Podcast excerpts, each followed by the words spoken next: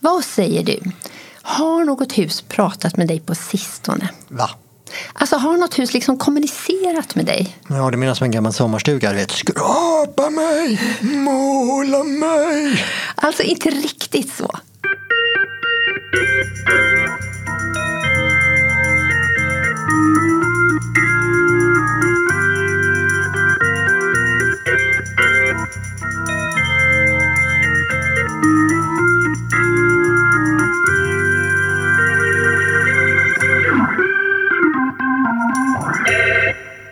Välkommen till En kvart om Göteborg, eh, Göteborgs stadsmuseums egen podd.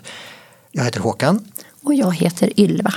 även känd som kvinnan som viskar med hus. Vad var det där för något?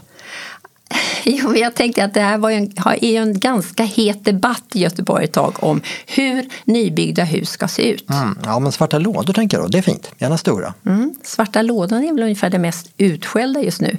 Varför tror du att det är så? Jag tänker att allt handlar om mode. Mode?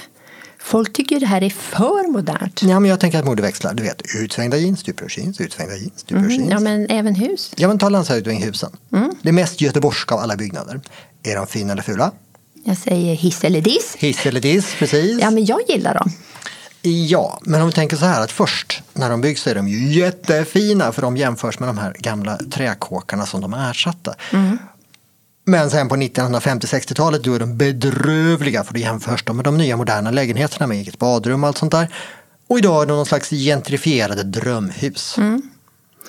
Och nu så är det modernt med svarta lådor. Ja, men, ja, jag tänker att det finns en viss pendelrörelse. Alltså ytterligheter. I ena änden så har vi det grekiska templet, klassicism, drömmen om antiken, skönhet i proportioner, linjer, harmoni, symmetri, den rena ytan, de rena linjerna. Och det vita.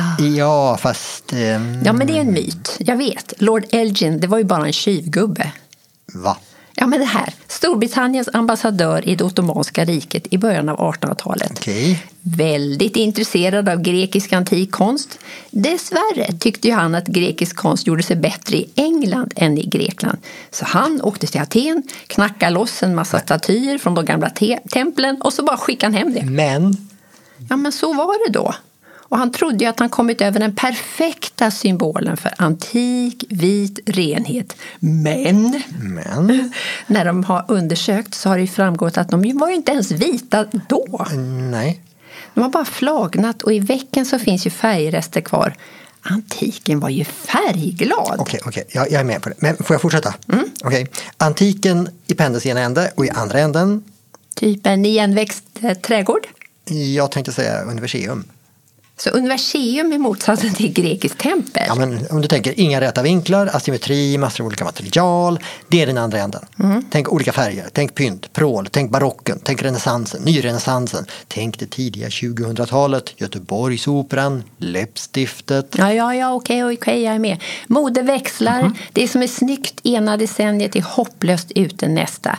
Men vad är då den svarta lådan? Jag tänker att den är klassicistisk. Coolt, alltså vi pratar den svarta antiken nu. Ja, men, jag menar, idén, i tanken att formen är allt, den rena kuben är skönhet. Och den som inte tycker om svarta lådor behöver bara liksom slappna av, tänka att 10-20 år, ja men då vänder det. Då blir det färg och tjofaderittan av alltihop Ja, Mm. igen. men i princip. Fast kanske inte helt smärtfritt, för jag tänker att varje skifte, ja, men varje skifte kräver lite av en sån här stilmässig revolution. Men med tanke på debatten så verkar det ju som om den här revolutionen är här redan nu. För vem älskar den svarta lådan? Ja, men någon måste ju älska den, typ den som beställer den. And money talks. Jag trodde det var husen som pratade. Också! Jag är inte med på att det bara handlar om mode. Jag tror det handlar ganska mycket också om vad husen säger. Ja, men nu är vi där igen. Så vad säger husen? Men låt oss ta en byggnad. Ta domkyrkan. Börjar den prata så springer jag. Ja, men är den klassisk eller är den kaotisk? Eh, jag ska säga klart klassiskt. Ta bort tornen så har du ett rent grekiskt tempel. Mhm. Så går du fram till bort- porten och där, hur ser den ut? Porten till domkyrkan, den är, ja, men den är hög, va? jättehög. Mm, den är enormt hög. Och dörrhandtaget, det sitter ju typ i öronhöjd. En dörr för en jätte. Mm. En dörr för en jätte. Så, vad säger huset? Det säger du är liten. Du är jätte, jätteliten. Hela kyrkan är ju byggd för att du ska känna dig just jätteliten. Och vad säger då en stor svart glänsande kub? Ja. Take me to your leader. Eller? Ja, vad säger en stor svart glaskub? Den säger jag är stor. Svart? Ja, men okej. Den, nej, men jag är tung, jag är massiv, du kan inte se in för jag har svarta glas, du kan inte ens komma in för jag har en stum, sluten fasad, du ser inte ens vad dörren är. Alltså det är som ett kassaskåp helt enkelt. Huset säger det som finns i mig är värdefullt. Väldigt värdefullt. Okej, och vem vill inte känna sig värdefull? Ja men precis, Klart jag vill ha mitt kontor i en sån! såklart. Men sen är det ju inte självklart vad ett hus säger. De, kan lans- de lanserar ju olika lingon som passar. Som det här med höghus i Göteborg. I reklamen för ett av dem så stod det att det här jättehöga huset ska få göteborgarna att räta på ryggen. Men vad menar de att huset säger? Ja, är det just göteborgarna som ska rätta på ryggen? Det, det är inte tillresta Mölnlyckebor, de får inte. Okej. Huset, huset säger jag är göteborgare, du är göteborgare, jag är lång, du är lång. Ja, men något sånt. Du ska identifiera dig med huset. Medan andra menar att det enda hus, höghuset säger är Vad liten du är. Ja, kanske är det inte ens så viktigt för precis som den svarta lådan så kanske den inte byggs i första hand för att kommunicera med dig Men tack. utan med sina framtida hyresgäster och inhysingar som erbjuds möjligheten att se ner på resten av staden. Ja, och vem vill inte höja sig över resten? Okej, så, nej, så när vi blir irriterade över den svarta lådan eller höghusen då handlar det inte i första hand om att de är så att säga fula utan att de har taskig attityd. Ja, men kanske. Och här ska vi komma ihåg att det inte bara är husen som pratar. Hela staden pratar. Ett väldigt stort torg säger något annat än ett litet torg. En bred rak gata säger något annat än en smal slingrande. Mm. En park säger något annat än parkeringsplats. Ja, det är jag med på. Men jag, förlåt, jag fastnar i husen. Nu blir det jättespännande att titta på vad de som är mest kritiska till den här svarta lådan arkitekturen vill ha istället. Vad de vill att hus ska säga. Ja, men vad vill de ha? Ja, men som det var förr verkar det som. Alltså, det är någon som säger, hur kunde det fattiga Göteborg bygga vackra hus för hundra år sedan när vi inte klarade det idag? Och, och en opinionsundersökning ville att två av, ja, där ville två av tre att hus skulle ha klassisk stil, till exempel med fasader i sten, tegel och trä. Och någon efterlyser fasader med känsla och själ. Så hundra år sedan. Ja, men ja, jag, jag har en känsla av att det är lite till, typ 140 år sedan. Nu är du väldigt exakt. Men förlåt. Men det, det som kommer upp hela tiden det är det som kallas för nyrenässans. 1870 till 90-tal i runda slängar. Och då pratar vi maffiga gräddbakelser, eller hur? Ja, precis. Det är more is more-tiden. Det är bankpalats och privatpalats och alla slags palats och gärna med en bottenvåning i massiv gråsten och sen olikfärgad tegel och så massor av figurer, reliefer, dekoration. Mm. Det finns ju ett par riktigt härliga bakelser på Avenyn. Ja, såklart, såklart. Och en hel del i stan innanför vallgraven. Och, och jag älskar dem. Du gillar grädde? Nej, men, mer för att de, de pratar på riktigt. Se mig, se mig, ät mig.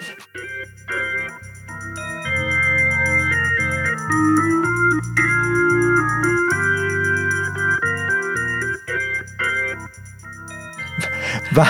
Varför pratar våra hus precis som den köttätande växten i Little Shop of Horror? Det var du som började. Okej, men då under senare 1800-talet så älskade man antika myter. Och de använde dem också som ett slags språk. Mm, men det där får du förklara. Jo, så här. Du går i Brunnsparken, du tittar på fasaderna på Södra Hamngatan och plötsligt stirrar du på en stentavla som verkar visa en örn med utbredda vingar över ett brinnande bål. Vad är det? Eh, här grillar vi fågel. Nej. Nej. Men kan det vara typ fågel Fenix då? Ja, enligt antika myter så var det en fågel som aldrig dog. Mm. För när den blev gammal så byggde den ett bål och brände upp sig själv. Och i askan så låg en fågelunge. Som är samma fågel i föryngrad gestalt. Okej? Stentavlan har ju suttit på ett äldre hus, plockats ner, satts upp igen på den nya fasaden. Men om någon, säger runt år 1900, såg en sån bild, då kunde de vara rätt säkra på att där låg... Harry Potters trollstavsbutik. Nej. Nej, i alla fall så är det järnek och fågel Fenixfjädrar i Harry Potters trollstav. Och, ja, det säger jag inget om. Men då betyder det här att där låg ett försäkringsbolag. Försäkringsbolag. Så om ditt hus brinner upp, Kommer ett nytt att födas ur askan om du har rätt brandförsäkring. du ska ta det rätta. Den här gamla reklamkroken. Eh, ja, och på motsvarande sätt om du ser druvglasar i puts eller sten på äldre hus här och var. Ja, då kan du vara rätt säker på att där fanns en frukthandel eller så hanterade de alkoholhaltiga drycker. Men om det istället är ett stort horn, ett djurhorn som det väller druvor och annan frukt ur. Ja, men det heter väl ymnighetshorn? Ja, då kan du vara rätt säker på att där pågick någon form av affärsverksamhet, antagligen handel. Här tjänar vi stålar. Här skapas överflöd. Och fortsätter vi till Gustav Adolfs torg så är det liksom rena bilderboken i antik mytologi. På Börshuset står statyerna av Poseidon och Hermes som står för eh, Havet. Poseidon för havet och Hermes är köpmännens beskyddare. Göteborg, köpstaden vid havet. På foten av en flaggmast hittar vi Hermes igen och Athena som är det defensiva krigets gudinna. Mm. Så köpstaden vid havet som kan försvara sig. Ja, och uppe på gamla rådhuset omges klockan av gudinnan Justitia, Som väl är rättvisans gudinna. för där skipades rätt, och den mindre kända Hygieia på grekiska eller Salus på latin. Mm, känner jag inte alls till. Nej, men, eh, här kanske mest sundhetens och den allmänna välfärdens gudinna. Så det fanns en välfärdsgudinna. Japp. Men vad är hon när vi väl behöver henne? Ja, det kan en undra, men i alla fall. Det fanns alltså ett språk baserat på antik mytologi där du kunde på en gång prya ditt hus och berätta vad som hände där inne. Så man kan säga att det är arkitekturens esperanto. Och det kan jag tycka är lite synd att vi har förlorat. Så innan vi börjar bygga 1890-talshus igen så behöver vi skapa det här, ett nytt gemensamt bildspråk. Ja, och det är ju inte lätt. Men vi har väl ändå ett gemensamt symbolspråk idag? Vi har ju logotyper. Va? Alltså, jag såg en jämförelse i det sociala medieflödet att mellan vår tids brist på kunskap om träd men total koll på varumärkens logotyper. Om träd. Så alltså ingen känner igen bladet på ett äppelträd men alla vet vilket datummärke som har ett äpple som logga. Exakt så. Vår tids esperanto. Men det är ju det som är problemet. Ingen ägde ymnighetshornet. Ingen ägde Hermes. Men de här symbolerna, de ägs ju. Ja, men de är ju slagkraftiga. Ja. De kommunicerar i olika medier, tidningar, böcker, kampanjer plus i våra gemensamma stadsrum. Var vi sitter och var vi står. Precis. Och, men inte får vi lov. Och det är ju faktiskt därför som vissa städer har förbjudit reklamtavlor. Va? Som Sao Paulo i Brasilien. De drog igång en kampanj 2007 för Ren stad och kallade alla affischer för visuell förorening. Oh. Ja, för även vid politiska val så fick partierna inte klistra upp affischer. Hardcore inställning. Mm, det var det verkligen. Men vet du vilka som blev glada? Inte reklambyråerna i alla fall. Nej, men graffitikonstnärerna. För plötsligt blev ju de här utrymmena där de tidigare konkurrerat med, krav, med reklam tillgängliga för konst. Stadens ansvariga fixade ett rullande sexveckorsschema så graffitin kontinuerligt byttes ut. Okej, intressant. Men alltså funkar det på riktigt? Har den här lagen hållit i sig? Ja, men det vet jag inte, men jag vet att den har plockats upp av städer i Frankrike som Grenoble. Okej. Och där säger de att när reklamen försvann då syntes bergen och stadens skönhet. Och det var ju motsvarande argument som användes i Sao Paulo när stadens 15 000 reklamskyltar monterades ner och gjorde det möjligt för medborgarna att få syn på sin stad igen. På arkitekturen och stadsrummen. Ja, men där röker ditt ersättningsspråk. Då är vi helt språklösa. Alltså ser det så här. Kunde alla förstå att ett Hermeshuvud över dörren betydde att här pågår handel? Det vet jag inte, men jag tror inte det. Jag tror att det krävdes ja, men ett visst kulturellt kapital i alla fall. Hur känns det att vara utan? Va? Ja, men graffitin. Ett text och bildspråk som vissa kan läsa och förstå och andra inte. Aha, jag är ute i hoskad. Ja, Men säger jag då, nu, nu tar vi de här. Om vi skulle ta nyrenässansälskarna på allvar, om vi skulle börja bygga på 1890-talssätt igen, då kommer de ju inte att prydas med graffiti. ja men det får vi väl se. Ja, Okej, men inte på byggherrarnas initiativ. Nej, men vad skulle ett 1890-tals look-alike-hus säga då? Men vad säger de? Jag är påkostad, jag är genomarbetad, någon har verkligen brytt sig, jag är ett konstverk. Kolla in mitt kulturella kapital. Ganska kaxigt hus. Eh, lite så. Mm. Men jag tänker en annan sida, inte så mycket på vad husen säger som på beställaren och arkitekten. Mm. Vad säger de när de väljer att bygga en domkyrka som ser ut som ett grekiskt tempel? Heja det antika Grekland! Precis, det blir en hyllning till den tidens arkitektur och även till den tiden, antiken.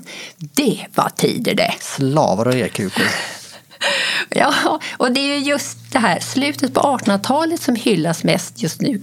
kan ju ha att göra med att de här gräddbakelserna de är så långt ifrån svarta lådor som det går att komma. Ja, men det går ju i teorin att packa ner en gräddbakelse i en svart låda och ta med sig hem. Mm, men det är ju också så att om du bygger mer eller mindre kopior av en tid så blir det en hyllning av den tiden. Och vad säger vi om 1800-talets sista decennier? Ja du, inte den mest jämställda tiden kanske. Nej, det här är ju faktiskt sista tiden innan 1900-talet rasar in med storstrejk och allmän och lika rösträtt. Gift kvinna blir myndig och moderna samhället. Då när arkitekturen börjar fokusera på de många genom funkis och satellitstäder och miljonprogram. Oh. Så det skulle kunna vara någon slags predemokratinostalgi. Ja, men det skulle kunna vara det. Det är i alla fall värt att tänka på innan ni börjar smälla upp superdekorerade nyrenässansbyggnader eller vad som helst. Vad kommunicerar det här huset? Vad kommunicerar den här gatubilden, den här reklamtavlan? Oh, tänka mer på vad husen säger än på att gräla om de är fula eller inte. Ja. Jag säger bara de gustibus non disputandum. Om tycke och smak bör man ej tvista. Ja, och denna antika vishet är slutorden för idag. Det tycker jag. Ja, men då hörs vi nästa gång.